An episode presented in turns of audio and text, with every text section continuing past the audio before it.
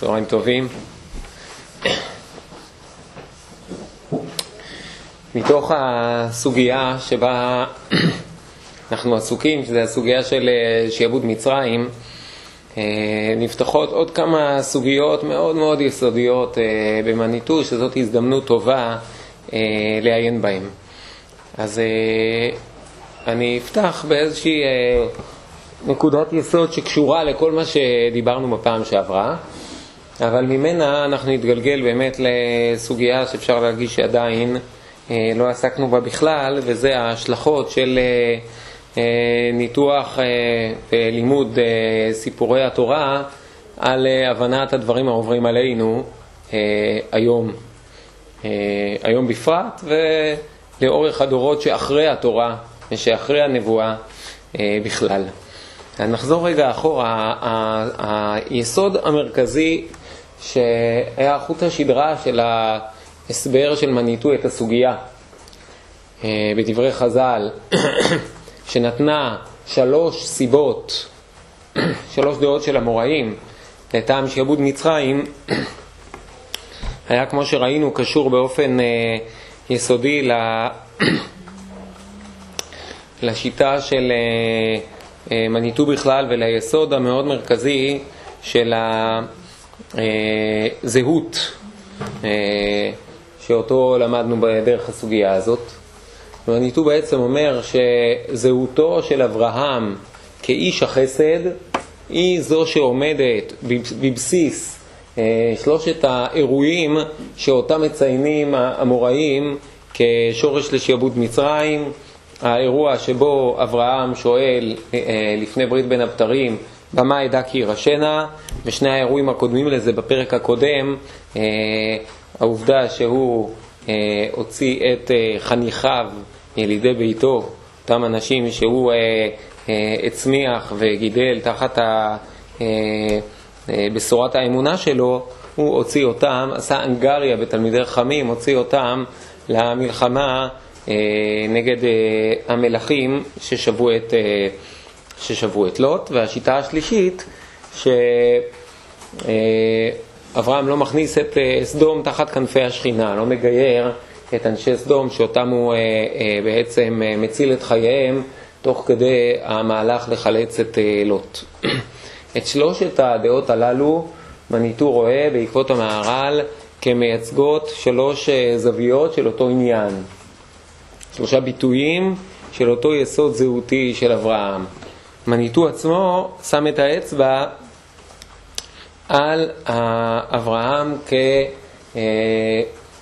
כבעל הזהות של מידת החסד, ואומר שבעצם החיסרון של אברהם, לפי כל אחד מהשיטות האלה, כמו שפירטנו בפעם שעברה, של שיטות האמוראים, החיסרון הוא הפרזה במידת החסד. כשמידת החסד מופיעה באופן שמעבר למידה, יש, אה, יש לה מחירים. ומניטו מוסיף פה איזה יסוד אה, בכמה וכמה מקומות פה בספר, אה, שהוא חוזר, הוא מבטא אותו שוב ושוב, ובזה הוא מחזיר באיזשהו אופן אותנו אל ה... אל ה... יותר אל, ה... אל פשטי הפסוקים נאמר, והוא אומר בעצם ש... צריך להגדיר מעט יותר במדויק את, אה, את הכותרת הזאת, חטא, קו נטוי, עונש. אומר מניטו בעצם, אצל אברהם שלושת הדברים האלו אינם אה, כישלון. כן? ההפרדה, ההפרזה במידת החסד היא ביטוי לעובדה שאברהם הוא מידת החסד עד הסוף. הוא הדמות שצריכה להיות במציאות ביטוי מלא וגמור של מידת החסד. אה, והבעיה היא כשבניו אה, ממשיכים באותה דרך. כלומר, כשבניו לוקחים את מידת החסד עד הסוף, זה הופך להיות חסד מופרז. כלומר, במילים אחרות, אברהם צריך להביא לידי ביטוי את מידת החסד בטוטליות שלה, למרות שזה עצמו מופרז. ועם ישראל זה לא מה שהוא צריך לעשות. איך זה שעם ישראל לא צריך לעשות מה שאברהם, שהוא סולל הדרך של עם ישראל, אה, אה, עושה, איך זה שעם ישראל לא אמור ללכת בדרכיו?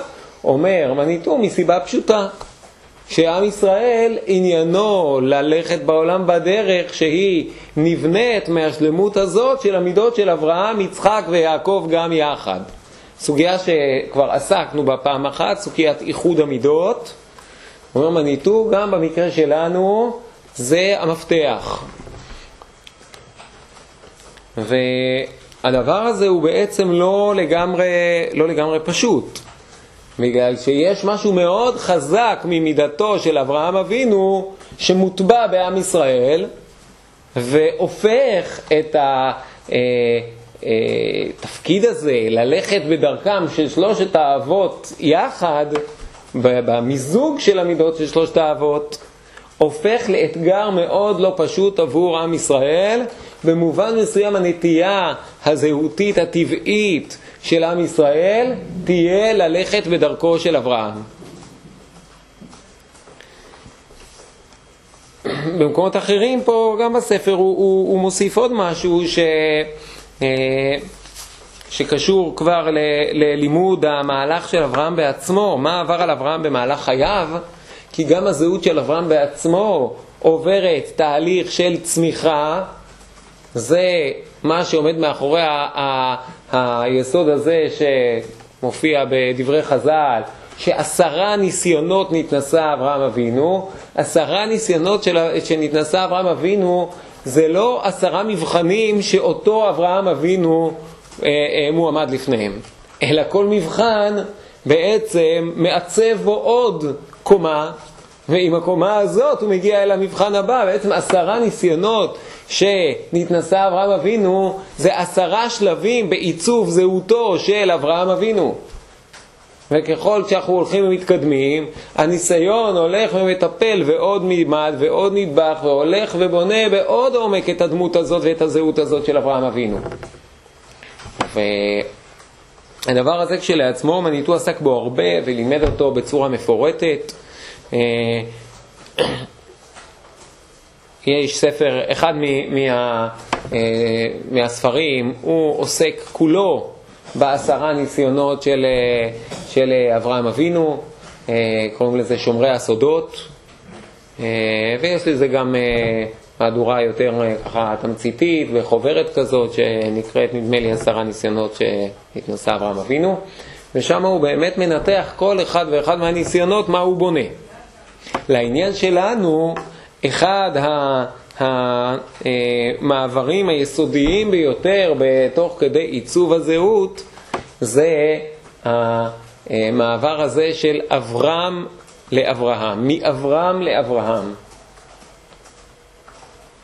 המעבר הזה מבחינת מניטו הוא קשור אה, למעבר שאברהם עובר מלהיות אך ורק מידת החסד להיות מי שמתחיל להיות מכוון להתמזגות של החסד עם היסוד של מידת הדין. כלומר, הדרך מאברהם ליצחק עוברת דרך זה שגם אברהם עצמו עובר איזשהו סוג תהליך של מפגש עם מידת הדין או עם גבולותיו של החסד. תרצו, תראו את זה בשם. נכון, רק כשאברהם הופך לאברהם, הוא יכול להוליד את יצחק, שהוא מידת הדין. דבר שני, אפשר יהיה לראות את זה ב, אה, בתפילה של אברהם על, על אה, סדום, שבתוכה אברהם לומד שיש גבול למידת החסד, ואם אין אפילו עשרה צדיקים בסדום, אז כבר אי אפשר יהיה להפעיל ביחס אליהם את מידת החסד. כלומר, גם פה הוא לומד את האיזונה של מידת החסד, או לומד אה, את התהליך הזה של אה, תיקון ההפרזה של מידת החסד, ואולי השלב החותם את הכל, אולי עוד נגיע אליו פעם, זה הסוגיה הזאת של אה, עקדת יצחק, שזה הניסיון העשירי, וכמובן שעקדת יצחק זה ניסיון מאוד עמוק, לא רק לכל אדם עלי אדמות, אלא במיוחד לאברהם שכל מידתו חסד. או במיוחד לאברהם, שהיה מוכן להילחם אפילו על החיים של סדום. בסדר? אז יש כרך שלם, כל הכרך החמישי של סוד מדרש התולדות, הנושא שלו זה עקדת יצחק. אבל מבחינתנו כרגע על הרצף, עקדת יצחק זה משלים את המהלך של אברהם, בלי להיכנס כרגע לפרטים, ברושם כללי אנחנו יכולים להבין איך עקדת יצחק זה משהו שמצליח, שמעצב ו, ומשלים את המהלך של איש החסד אברהם, להיות מסוגל להיות גם הנושא בעקבותיו, או המביא אל הופעתה של אה, מידת הדין אה, בעם ישראל. אז כל זה יסוד אה, אחד שכבר בעצם הסברנו לו שתי נקודות, כלומר שתי נקודות שבהם אברהם, שבהם אצל אברהם המידה הזאת ראויה גם בהפרזתה, ואילו אצל עם ישראל, עם ישראל נבחן בשאלה האם הוא ידע לאזן את זה. עכשיו יש פה איזו נקודה שדורשת התבוננות, אני לא אכנס אליה עכשיו. אה, אבל אני רק אומר אותה, בעצם מה שיוצא פה זה משהו שקצת מחזיר אותנו לפשטי הכתובים. כלומר, יש משהו מאוד מפתיע בדברי חז"ל, שפתאום הם מציפים שם בפרקים י"ד ט"ו, וזה שלושה חטאים. מילא במה אדע כי ירשנה, זה עוד... אה, אה, קודם כל זה בתוך הפרק של אה, ברית בין הבתרים, של גזירת הגלות. זה גם עוסק באיזושהי שאלה האם, האם אני אה, אה, ראוי לארץ או לא ראוי לארץ, אז יש פה איזה משהו שבאופן ישיר אה, לפחות יכול להוליך ל, ל, לצד השני שלה, שזה גזירת הגלות. אבל שני ההסברים האחרים הם ממש ככה מפתיעים. מי שקורא את פרק י"ד בקריאה ראשונה לא מתרשם שם בשום דבר שיכול להיות איזה משהו שאפשר לקרוא לו חטא ועונש, או שצורך בעונש וכולי. אז אפשר להגיד, הנה חינמי, האוזן הקשובה של חז"ל היא זו שמצליחה לחשוף לנו שם דברים שהם באמת מאוד דקים ועדינים וקשים לשמיעה. אבל uh, הניסוח הזה של מניטו, שבעצם אצל אברהם זה חלק מהמהלך, ובכל זאת חז"ל קוראים לזה אה, בוא נאמר, כמו שהוא אה, אה, כותב פה באחד הפסקאות שנתתי לכם להיום, קוראים לזה בהיעדר מינוח אחר, קוראים לזה חטא ועונש, הכוונה היא לא לחטא ועונש, אלא לשורש הזהות של עם ישראל שמצוי אצל אברהם, וכל מה שעדיין לא שלם, שם זה לא שלם, למרות שאצל אברהם זה מה שצריך להיות אברהם. ובכל זאת, כיוון שזה לא שלם, זה מתבטא אצל בניו בצורה של אה, תוצאות אה, אה, מרחיקות לכת. אה, אולי באמת, אה, להתחיל רגע ב... לקרוא פה איזה משפט אחד מהדפים שנתתי לכם. אה, אני אגיד בסוגריים, אני מקווה שאתם מעיינים בהם, בגלל שאני אה, אה, הרבה זמן מקדיש לבחור לכם את, ה, את העיקר. יש פה מאות עמודים, וזה באמת בחירה לא פשוטה. ומי שלומד את הדפים האלה, נניח, מי, מי שילמד טוב את הדפים האלה שאני נותן לכם במהלך אה, כרך אה, העיסוק שלנו בשיעורים האחרונים, בכרך השני של הספר הזה, הוא, אה, הוא, אני לא אומר שבגלל זה לא כדאי לו לקרוא את הספר, כדאי לו גם ללמוד את כל הספר. אבל את, את העיקר של הספר הוא למד. כן, הוא למד ועוד בצורה מקובצת ולא בצורה מפוזרת, כי שיעורים שבעל פה הם, במיוחד שהם עניתו, דרכם לנוע מדבר לדבר ולחזור אליו בשיעור הבא.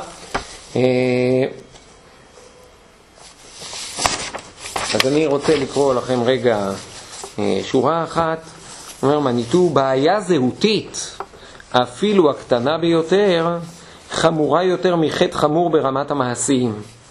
או במילים אחרות, יש לה השפעה אה, מרחיקת לכת אה, ב, אה, במציאות. כן, יש לה השפעה מאוד, אה, מאוד גדולה, היא מכריעה אה, את מה שקורה. אז כמובן אמרנו שיש פה שתי, אה, שתי נקודות. קודם כל עצם העובדה שזאת מידתו של אברהם, לכן הוא צריך להביא אותה במלואה לידי ביטוי. וב' אם אתם זוכרים את הנקודה השנייה שאמרתי, אז היא ממילא מעדנת פה עוד משהו. מפני שאנחנו אומרים, לא, גם אצל אברהם במובן מסוים, גם בתוך אברהם עצמו זה חיסרון.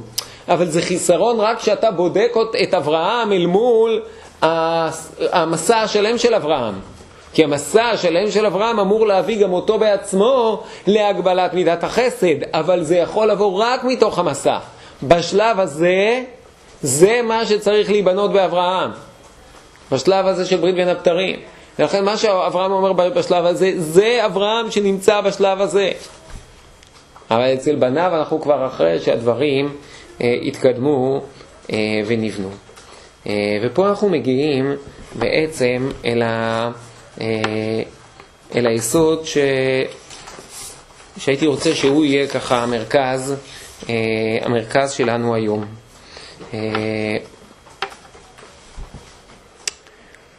הוא קשור לקטע מאוד חשוב שראינו פעם שעברה שאני אזכיר אותו. בפעם שעברה ראינו שמניטו אומר שיש שתי דרכי פרשנות לתורה. כן, יש את הדרך המוסרית, שיותר עוסקת במישור האישי, כל אחד ילמד מזה איך, איך לתקן את מידותיו ואת מעשיו ואת ה, את הערכים המוסריים שלו, ויש את הדרך ההיסטוריוסופית, שבעצם עסוקה בבירור וניתוח התהליך של העיצוב של עם ישראל, הצמיחה של עם ישראל וההליכה של עם ישראל ב, ב, אה, בתפקיד הגדול ובמסע הגדול שיש לו לאורך ההיסטוריה. אה, מניטו אה, שמה הדגיש את זה שהמהר"ל ככה מתרכז מאוד בשיטה הפרשנית הזאת, דבר ראשון.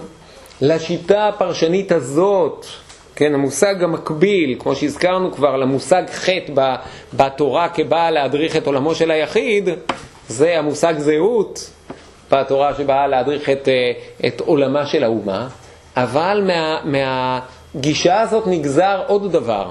אני מזכיר שבסוגריים הזכרנו פעם שעברה שהגישה הזאת, יש בה משהו שבעצם הוא, הוא, הוא יותר המוקד באמת של פשט התורה. כשאתה קורא את פשט התורה, הנושא המרכזי שלה, המקרא בכלל, התורה והנביאים, נגיד ככה, הנושא המרכזי שלהם זה מה עובר על עם ישראל כעם בהיסטוריה.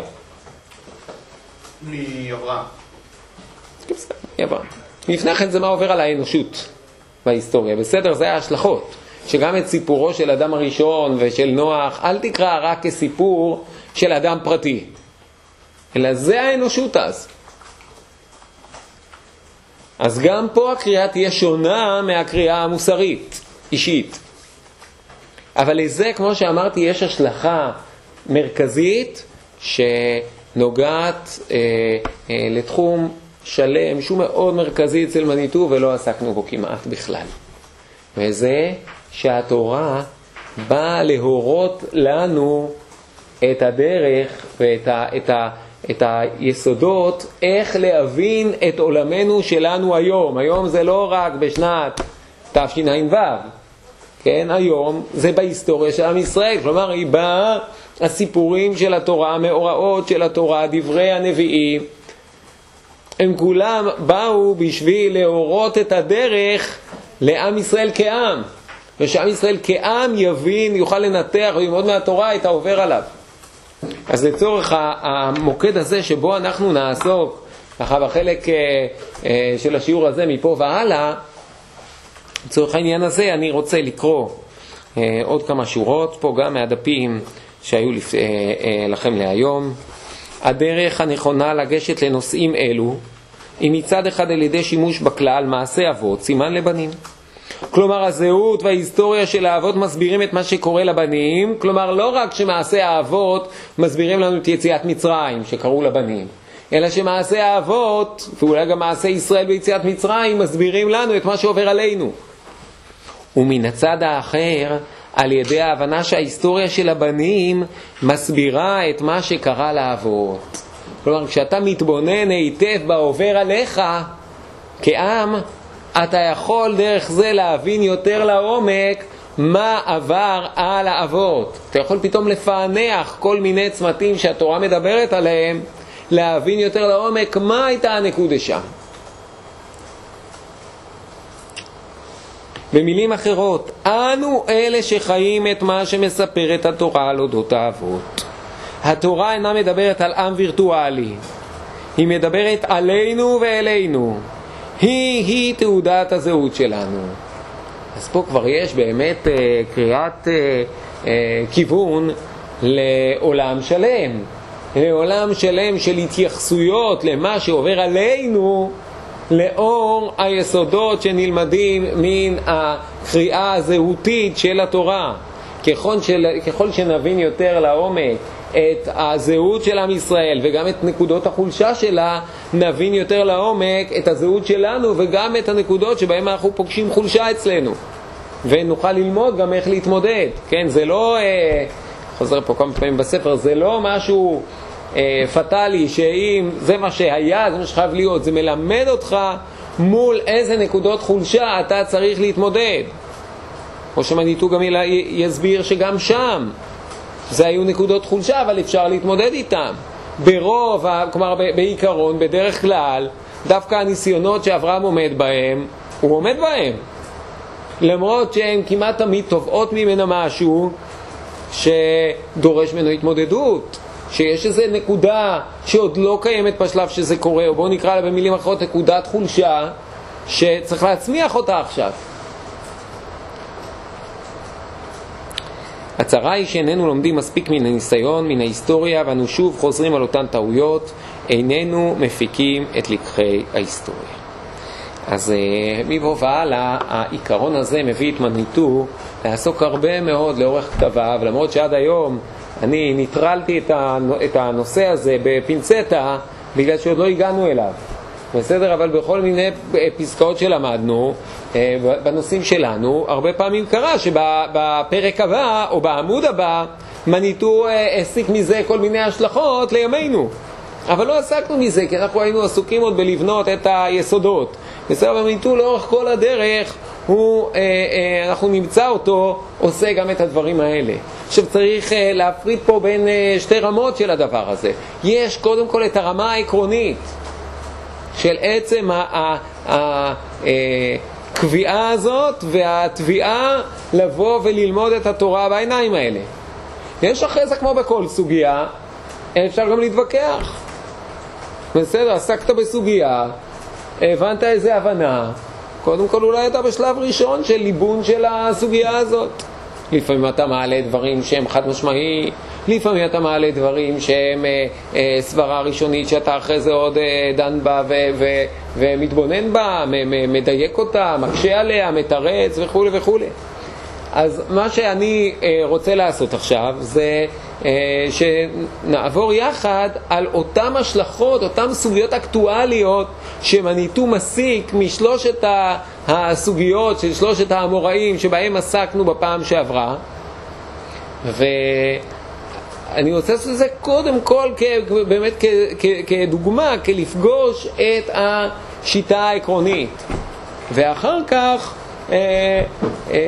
כלומר, השיטה לא מותנית בזה שבכל אחד משלושת הדברים הניתוח וההשלכות יהיו מלאות, יהיו משכנעות במאה אחוז, יהיו כי גם, גם הדברים פה בעצמם הם מפוזרים לאורך הספר.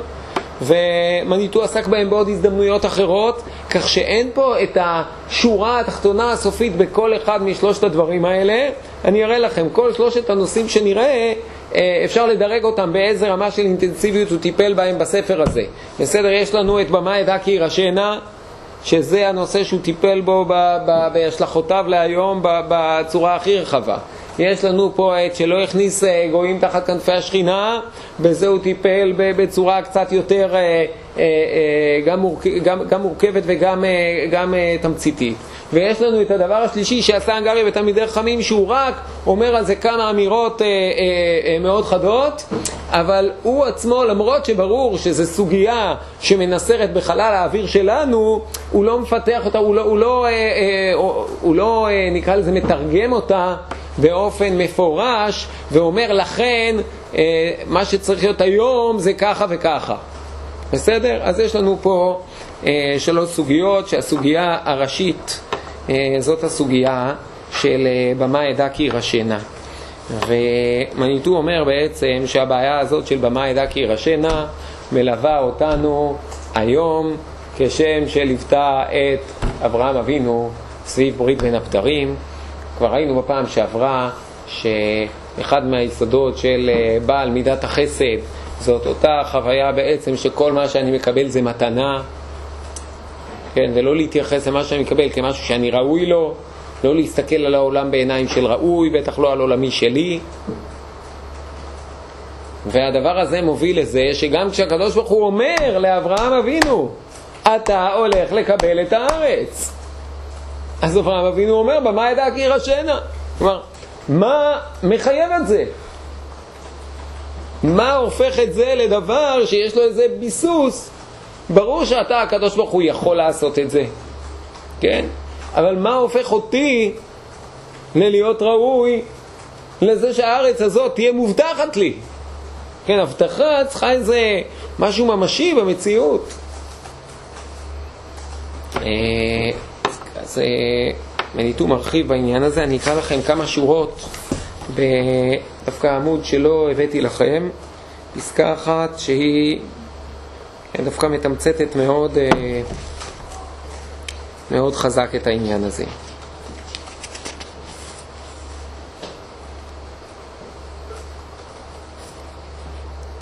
אומר מניטו, הפגם החולשה באמונה שהמהר"ל חושף בצורה כה עמוקה מתבטאת היום במיוחד בשתי שאלות עיקריות המעסיקות את כל מי שעיניו בראשו. למה נשארו מספר רב של יהודים בחוץ לארץ ומדוע היחס שלנו לארץ ישראל כה מסובך? זאת אומרת, יש משהו לא נורמלי ביחס של עם ישראל לארץ ישראל.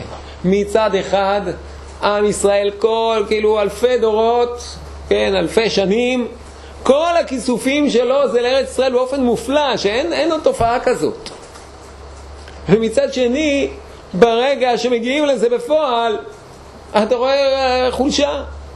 אתה רואה שלא בטוחים בזכותנו על הארץ, באחיזתנו בארץ, בזה שזה ביתנו, בזה שזה שלנו. הדבר הזה עצמו, יש לו שני מופעים שונים. אחד של אלה שפה, ו... הדבר הזה רפוי בידם, ואחד של אלה שלא באים לפה. כשיש לעם ישראל, הם יהודים, הזהות שלהם, הם, הם עוד לא יהודים שהתבוללו, כן? לא הם שכחו כבר במקרה, הוא רק זוכר שסבתא שלו הייתה יהודית. לא, הוא תשאל את עצמו, תשאל אותו מה, הוא יגיד אני יהודי. והוא לא בא לפה, ל, ל, ל, לבית של העם היהודי. זה עצמו, אומר המניטו, גם זה מתחלק לשתיים. כן? יש את מי שלא בא לפה, אה, בוא נגיד, כי נכון שעדיין הזהות שלו היא יהודית, אבל היא נחלשה. אה, יהודי חילוני בחו"ל. זו לא הגדרה כל כך טובה יהודי חילוני בחו"ל, אבל כי, כי בחו"ל כבר יש עוד כמה זהויות שצריך לאפיין, אבל בואו נקרא לזה ככה. ויש עוד תופעה שהיא עוד יותר מפתיעה. יהודי דתי בחו"ל. יהודי צדיק בחו"ל, יהודי תלמיד חכם בחו"ל, והוא לא בא לפה.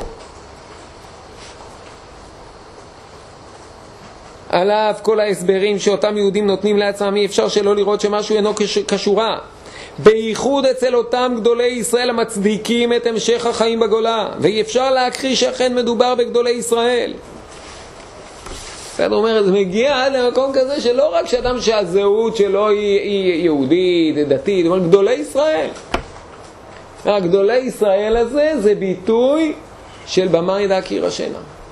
ביטוי של אותה חולשה של אברהם, שהיא באיזשהו מקום תבואה, כאילו כאיזשהו, אה, כאיזשהו אה, אה, חיסרון בזהות של עם ישראל, וצריך להתמודד איתה כדי להגיע לפה. אה, אז את הדבר הזה מניטו מפתח אה, בכמה וכמה מקומות, והדבר הזה מופיע אה, גם בדפים שנתתי לכם, אולי נקרא עוד כמה שורות. היום החולשה מתגלה כאשר שואל היהודי את עצמו אם ארץ ישראל שייכת לנו או מוטב שנשאר בחו"ל, או ברמה האישית, האם עליי להישאר בגלות או לחיות בארץ ישראל. הבעיה עמוקה יותר ממה שנראה במבט ראשון. מה הכוונה? במבט ראשון, הכוונה יש פה מישהו שבאמת, אה, השאלה היא כמה הוא קשור, יש יהודי בגלות, אה, הוא פשוט יהיה, הוא, הוא יתנתק מספיק בשביל שהקשר הזה הוא חלש ולכן הוא לא מגיע לפה, אבל אומר מניטו זה הרבה יותר מסובך. אני חושב שכל היהודים הגרים בגולה שלא התבוללו, מאמינים בכנות שארץ ישראל היא אכן, היא אכן שלהם, ובעצם חייהם יום הם מתנהגים אחרת לגמרי. ביקרתי פעם בקנדה בקהילה של יהודים מרוקאים שהיגרו למונטריאול, הם שרו בכנות רבה לשנה הבאה בירושלים וראיתי דמעות בעיניהם ממש. אולם כאשר שאלתי אותם מי מהם מתכוון לעלות לארץ, הביטו בי בתמיהה. כן, יש פה איזה משהו שמפתיע, הוא בלתי מוסבר, הוא נקודת עומק, הוא לא רק איזה נקודה כזאת של, של חולשה, של רפיון, של אני כזה רק חצי, חצי בזה, ב, ב, ברצינות בזהות היהודית שלי. זה. מה? אמר ש... מי? יוחנן צווייבר. כן.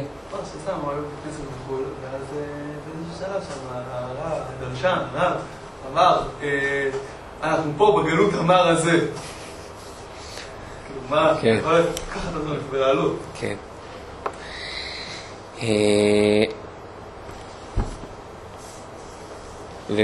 אומר שבעצם נכון שיש את הנטייה הזאת, אבל התשובה הזאת של אה, הקדוש ברוך הוא לאברהם, שזאת בעצם הקביעה האלוקית, בסדר, אתה אברהם חווה מאוד חזק את, את החסד ולהתייחס להכל כמתנה ולהתייחס לעצמך כלא ראוי, אבל כנגד הדבר הזה אתה צריך להפנים את המבט הזה של הקביעה האלוקית והבחירה האלוקית והשליחות האלוקית ממך, וזה מה שצריך לחדד לך את המבט. ואם אחרי אלפי שנים שמאז שניתנה לעם ישראל ההבטחה הזאת והתביעה הזאת והשליחות הזאת עדיין אה, הדבר הזה הוא רפוי, אז יש לנו פה אה, איזושהי אה, אה, בעיה ש, שהיא ביטוי של אותה אה, נקודת אה, זהות. זה בעצם הנושא הראשון, אה, הבמה עדה כי ירשנה. בסדר? ההשלכות להיום של הבמה עדה כי ירשנה, שהדבר הזה הוא, הוא אה, מניטו טיפל בו בצורה הכי רחבה פה ב, ב, בספר הזה, אה, ובין השאר היא משקפת גם את מה שעבר על מניטו בעצמו. נכון? בעצם מניטו מספר על עצמו שהייתה תקופה ארוכה שהוא היה עסוק בעיצוב הזהות היהודית של הצעירים היהודיים המשכילים בצרפת ועסוק בעיצוב זהות יהודית עמוקה ו- ותפיסת עולם של התורה יש מה, מה, לא רק יש לה מה לענות, אלא יש לה מה לבשר לעולם ולעולם המודרני ועדיין לא הבשילה בו התובנה ש... או, או ההחלטיות הפנימית שזה חייב להתרחש פה, במקום הזה, בארץ ישראל. ורק אחרי עשרים שנה שהוא עסוק בחינוך היהודי הזה, הוא אה, עולה לפה. נכון שזה לא שרק אחרי עשרים שנה האלה אה, הוא התחיל אה, להיות קשור לפה, הוא כבר הביא לפה קבוצות של צרפתים, כבר עלו אה, צרפתים בעקבות החינוך שקיבלו ממנו, אבל עדיין זה היה תהליך, היה תהליך שהוא היה צריך לעבור עד שהדבר הזה הבשיל בו לגמרי. באמת נראה לי שרוב השיעורים פה, כתוב פה, אה, נראה לי שרוב השיעורים פה זה שיעורים שניתנים אה, ניתנים בארץ. אה, אחרי שהדברים האלה ככה התחדדו לו מאוד, אה, מאוד מאוד. אה, אז יש הרבה עוד מה לראות בסוגיה הזאת פה, אבל אנחנו נעבור מהר לסוגיה השנייה כדי שנשלים את שלושת הסוגיות. הסוגיה השנייה היא הסוגיה של הכנסת הגרים תחת כנפי השכינה.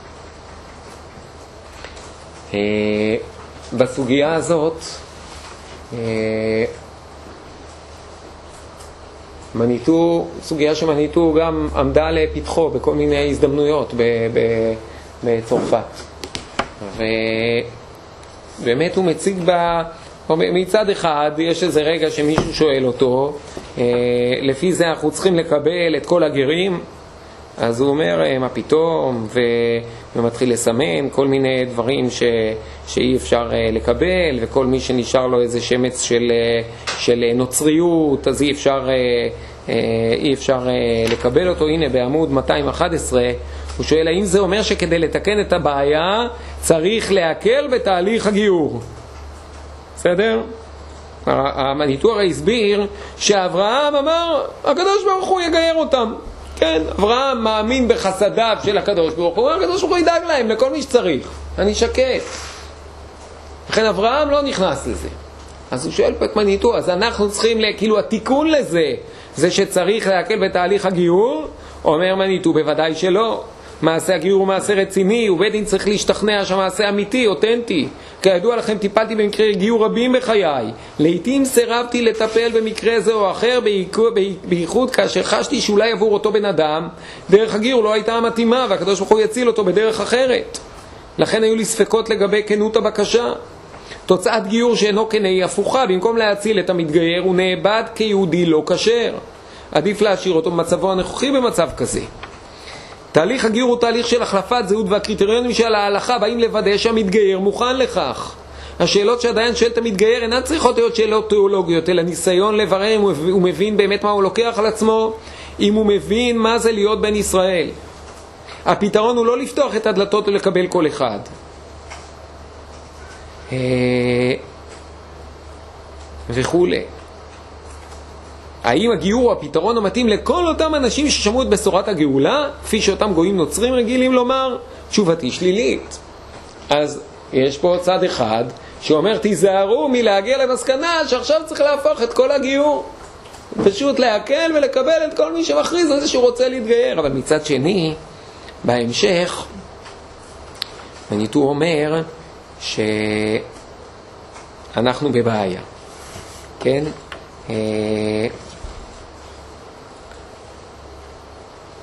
כלומר, שמה הוא בעצם הסתייג, אבל, אבל הסביר ממה הוא מסתייג. הוא הסתייג מזה שאנחנו לא נשאל את עצמנו אם זה נכון להכניס אותו או לא נכון, אם זה נכון לא להכניס אותו.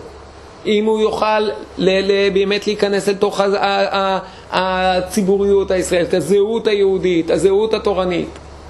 במקום אחר הוא כותב שמי שיש לו ריח של נצרות, הכוונה שהוא עוד לא נפטר מה... מה כאילו, הוא, הוא, הוא בא עם ראש נוצרי להתגייר. הוא עוד מאמין באותו האיש והוא רוצה להתגייר. כן, יש מצבים כאלה. אז הוא אומר, לא, הוא לא היה משיח בן דוד, הוא היה משיח בן יוסף, כל מיני, יש כל מיני דברים כאלה. הוא אומר, לא, לא, לא מקבלים. מי שהעסק אצלו מתוסבך, לא מקבלים. אבל, אומר מניטו, יש לנו תפקיד מאוד משמעותי בגיור. הוא אומר ככה, הוא אומר אנחנו מפחדים לגייר, בגלל זה אנחנו לא מגיעים לגייר גם את אלה שראויים וצריכים ויכולים להגיע לזה. ואנחנו לא עושים מספיק בשביל להביא אותם לשלב כזה שהם יוכלו להיכנס, שהם יהיו מתאימים להיכנס. אה, כיום אנחנו נמצאים בסוף תקופת כל הגלויות, לכן על אף כל הקשיים והסיבוכים, ברור לי שנמצא את הפתרון לכל המצבים. לפעמים צריך להתמודד ממש עם מצבים לא פשוטים, ולהכניס תחת כנפי השכינה את מי שרוצה בכך. אבל מה? לברר שהוא באמת רוצה בזה. ובאמת באחד המקומות, זה נראה לי המקום שהבאתי לכם, מניטו כותב ככה: אותם גרים שאברהם לא הכניס תחת כנפי השכינה הם שורש כוח האומות נגד ישראל במהלך ההיסטוריה. כלומר, מי נלחם בישראל, אז יש צד אחד של מי שנלחם בישראל, זה מי שמישהו ההפך הגמור מעם ישראל, זה עמלק. אבל רוב הנלחמים בישראל, הוא אומר, יש בתוך המלחמה הזאת בישראל איזה, איזה תחושה של תסכול פנימי על זה שאני לא ישראל. על זה שהם ישראל ואני לא. וכן אני אלחם בהם כדי כאילו להראות שאני ישראל, אבל בנצרות זה מאוד בולט, כן? אנחנו ישראל האמיתי. אבל אה, נקרא את זה, נקרא הלאה. גם במהלך ההיסטוריה שלנו פנו המון נפשות ששאפו לאיזה ישועה לעם ישראל, ולא הצלחנו לגייר אותם. כלומר, נכון שאנחנו לא יכולים לקבל אותם ב- ב- עם, עם השיגים, אנחנו יכולים להקרין את עצמנו באופן כזה שמי שירצה לבוא, ירצה לבוא באמת להתחבר לזהות של עם ישראל. הדוגמה הבולטת היא כל אותם גויים מתייעדים בסוף תקופת בית שני שהקימו קהילות ליד קהילות ישראל וביקשו להצטרף אליהם בצורה זו או אחרת. מן הכישלון הזה צמחה הנצרות והתגלתה מהר מאוד כמובילת השנאה נגד עם ישראל. כלומר, היה מצב כזה שנוצרו המון המון קהילות, זה מפורסם בתקופה הזאת של בית שני, ועוד הרבה יותר, אה, זה היה עוד הרבה יותר חזק אצל נשים מאצל גברים, בגלל שגברים להתגייס דרש מילה. נכון? ואצל נשים זה כאילו דורש הרבה פחות. והרוח שהתרבות היהודית הקרינה, כן, בית שני זה ימים שבהם היה יותר איזה ממשק בין עם ישראל לציבורים שסביבו, היה לנו את, אה, היה ב... ב אה, באזור מצרים הרבה, אה, הרבה אוכלוסיות ש, שהתחילו להסתופף מסביב לעם ישראל. וברגע שהגיעה הנצרות, היא תפסה אותם. היא תפסה אותם. אז מניטו בעצם אומר, אני מסכים לגמרי שהסוגיה הזאת של הגיור היא מורכבת, ושאי אפשר רק להפוך אותה לסוגיה פשטנית שאפשר לקבל את כולם, אבל אם זה גורם לנו להרים ידיים ולהגיד בגלל שהיא מורכבת אנחנו לא נכנסים לזה בעוצמה, אז בעיה. בעיה שמשלמים עליה מחיר. אה, הלקח פה, מה שמנטו מדבר עליו זה גיור, או במובן יותר רחב, כאילו יכולת לפנות לאומות העולם גם, או להכיל, או ליצור שיח עם, אומות העולם ולתת להם את הבשורה שלנו. אנחנו נדבר גם על זה, גם על זה, אבל פה בהקשר שלנו הוא מדבר על גיור. אנחנו נדבר על זה או בעוד שיעור או שניים, כשנדבר בעצם על איך, אה, איך אה, מניטו תופס את אה, ברית בין הבתרים, האם כגוזרת גזרה שברור, שסגור כבר עד הסוף מה בדיוק יקרה שם ומה יהיה אופי מערכת היחסים בין עם ישראל לאומות העולם בשעבוד מצרים, או שהיא משאירה את הדברים פתוחים לכמה אפשרויות שבהם הברית בין הבתרים תתממש. בסדר, אני נותן את הכותרת הזאת כדי שאם תזכור את שאלתך, אז תזכור אה, באיזה שיעור אתה אמור להקשיב מספיק טוב אה, גם לשים לב לתשובה. בסדר? אה, הדבר האחרון זה הסוגיה הזאת של הנגריה ותלמידי חכמים, שפה בספר מניטו אומר עליה דברים מאוד מעניינים, אה, בלי לפרט אה, בדיוק את ההשלכות להיום, אני מקווה שאני אמצא את זה כרגע.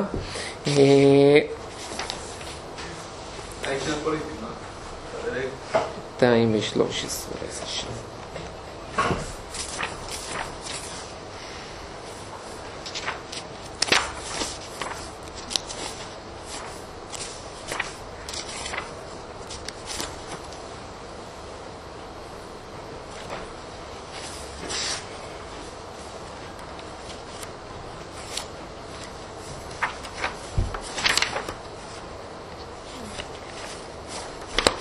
זה אולי על הפעם שעברה.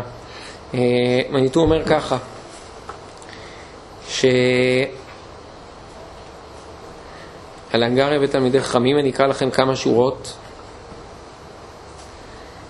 לפי רבי אבאו היה לאברהם להשתמש באסטרטגיה שונה כדי להשיג את מבוקשו בלי להזדקק לאותם תלמידי חכמים כחיילים. לתלמיד חכם אמיתי יש ייעוד בעולם הזה והוא לימוד התורה בלבד. הניתון נלחם במלחמת העולם השנייה, בסדר? אני מזכיר. אה, אי אפשר להטיל עליו שום משימה אחרת, אי אפשר לשעבד אותו לשום דבר אחר. המשועבד אינו חופשי.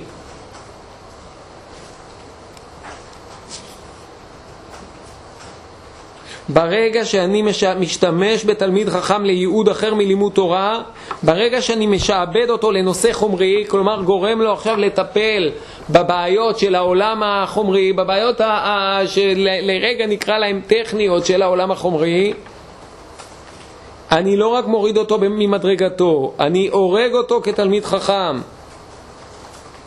התורה ניתנה כדי לשחרר אותנו מן החומריות.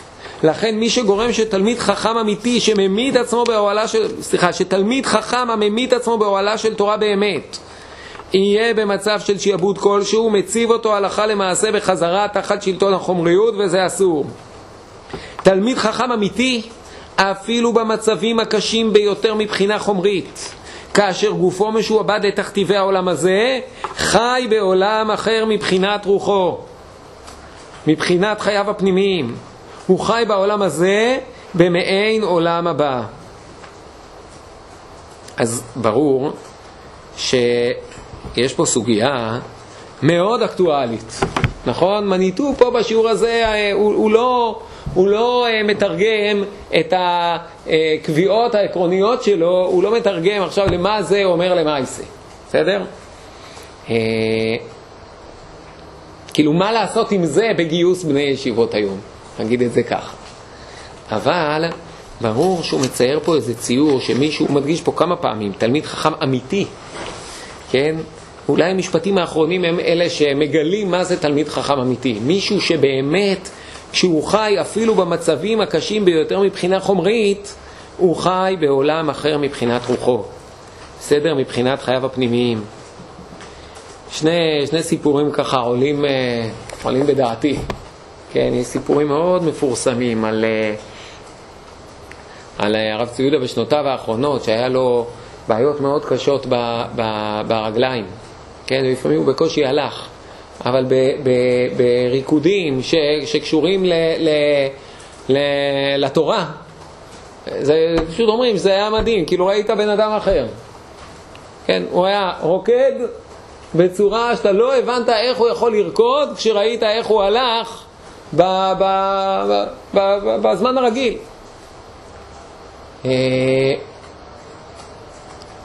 מזכיר לי גם, למרות שזה לא זהה בדיוק למה שקורה פה, אבל uh, באמת הסיפורים uh, uh, על הרב ליכטנשטיין, כשהוא היה במצבים של, uh, uh, ממש ככה בתקופות האחרונות, כשהוא היה ב, ב, אולי הוא היה במצבים של ערפול הכרה, והוא לא היה, לא היה עם האנשים שסביבו, אולי הייתם מדברים אליו, הוא לא היה מגיב, והוא היה uh, פשוט... Uh, מלמד סוגיות בעיון, היה מדבר על סוגיות. היית יושב לידו והיית שומע אותו עם עצמו מדבר, אה, אה, הוא, הוא בתוך התורה. אפילו כשהוא במציאות אה, פיזית אה, אה, קורסת לגמרי, הוא בתוך התורה. אה, אז אה, אין לי ספק שפה שמניטו הוא כאילו, הוא... אה, מניטו הוא, הוא, ציוני, כן, מניטו לא צריך לשכנע אותו את החשיבות של צבא וכולי וכולי, אבל הוא יוצא מהשבלונות הרגילות. הוא אומר, יש דבר כזה, תלמיד חכם אמיתי, שבאמת זה נבחן בשאלה, איפה? זה לא נבחן בשאלה אם נרשמת לכולל, או אם עשית דחיית שירות, זה נבחן בשאלה איפה אתה, באיזה גובה אתה. אם אתה שם בעולם החירות הרוחנית, שם אתה צריך להיות. שם אנחנו צריכים אותך, לא רק שם אתה צריך להיות, אנחנו צריכים אותך שם. אז אמרתי, מניטו פה לא מפתח את זה אה, אה, הלאה, אבל זה ודאי, זה ברור שגם הסוגיה הזאת אה, אה, היא קשורה מאוד אל האקטואליה שלנו. אה, זה התובנות שבהקשר הזה מניטו ככה דולה בהקשר של המציאות שלנו, אבל בעוד הרבה הרבה סוגיות. יש לו אמירות אה, שפתאום ככה עוזבות את הסוגיה ומישירות מבט אל המציאות שלנו היום ושואלות אה, מה הדבר הזה מלמד אותנו להיום, ולפעמים אפילו את המבט ההפוך, שמה מה שאנחנו רואים היום שעם ישראל מתמודד איתו, הקשיים הפנימיים, החולשות וכולי, איך זה מלמד אותי, שופך אור על פרשיות מסוימות אה, אה, בתוך ההתרחשות שבמקרא.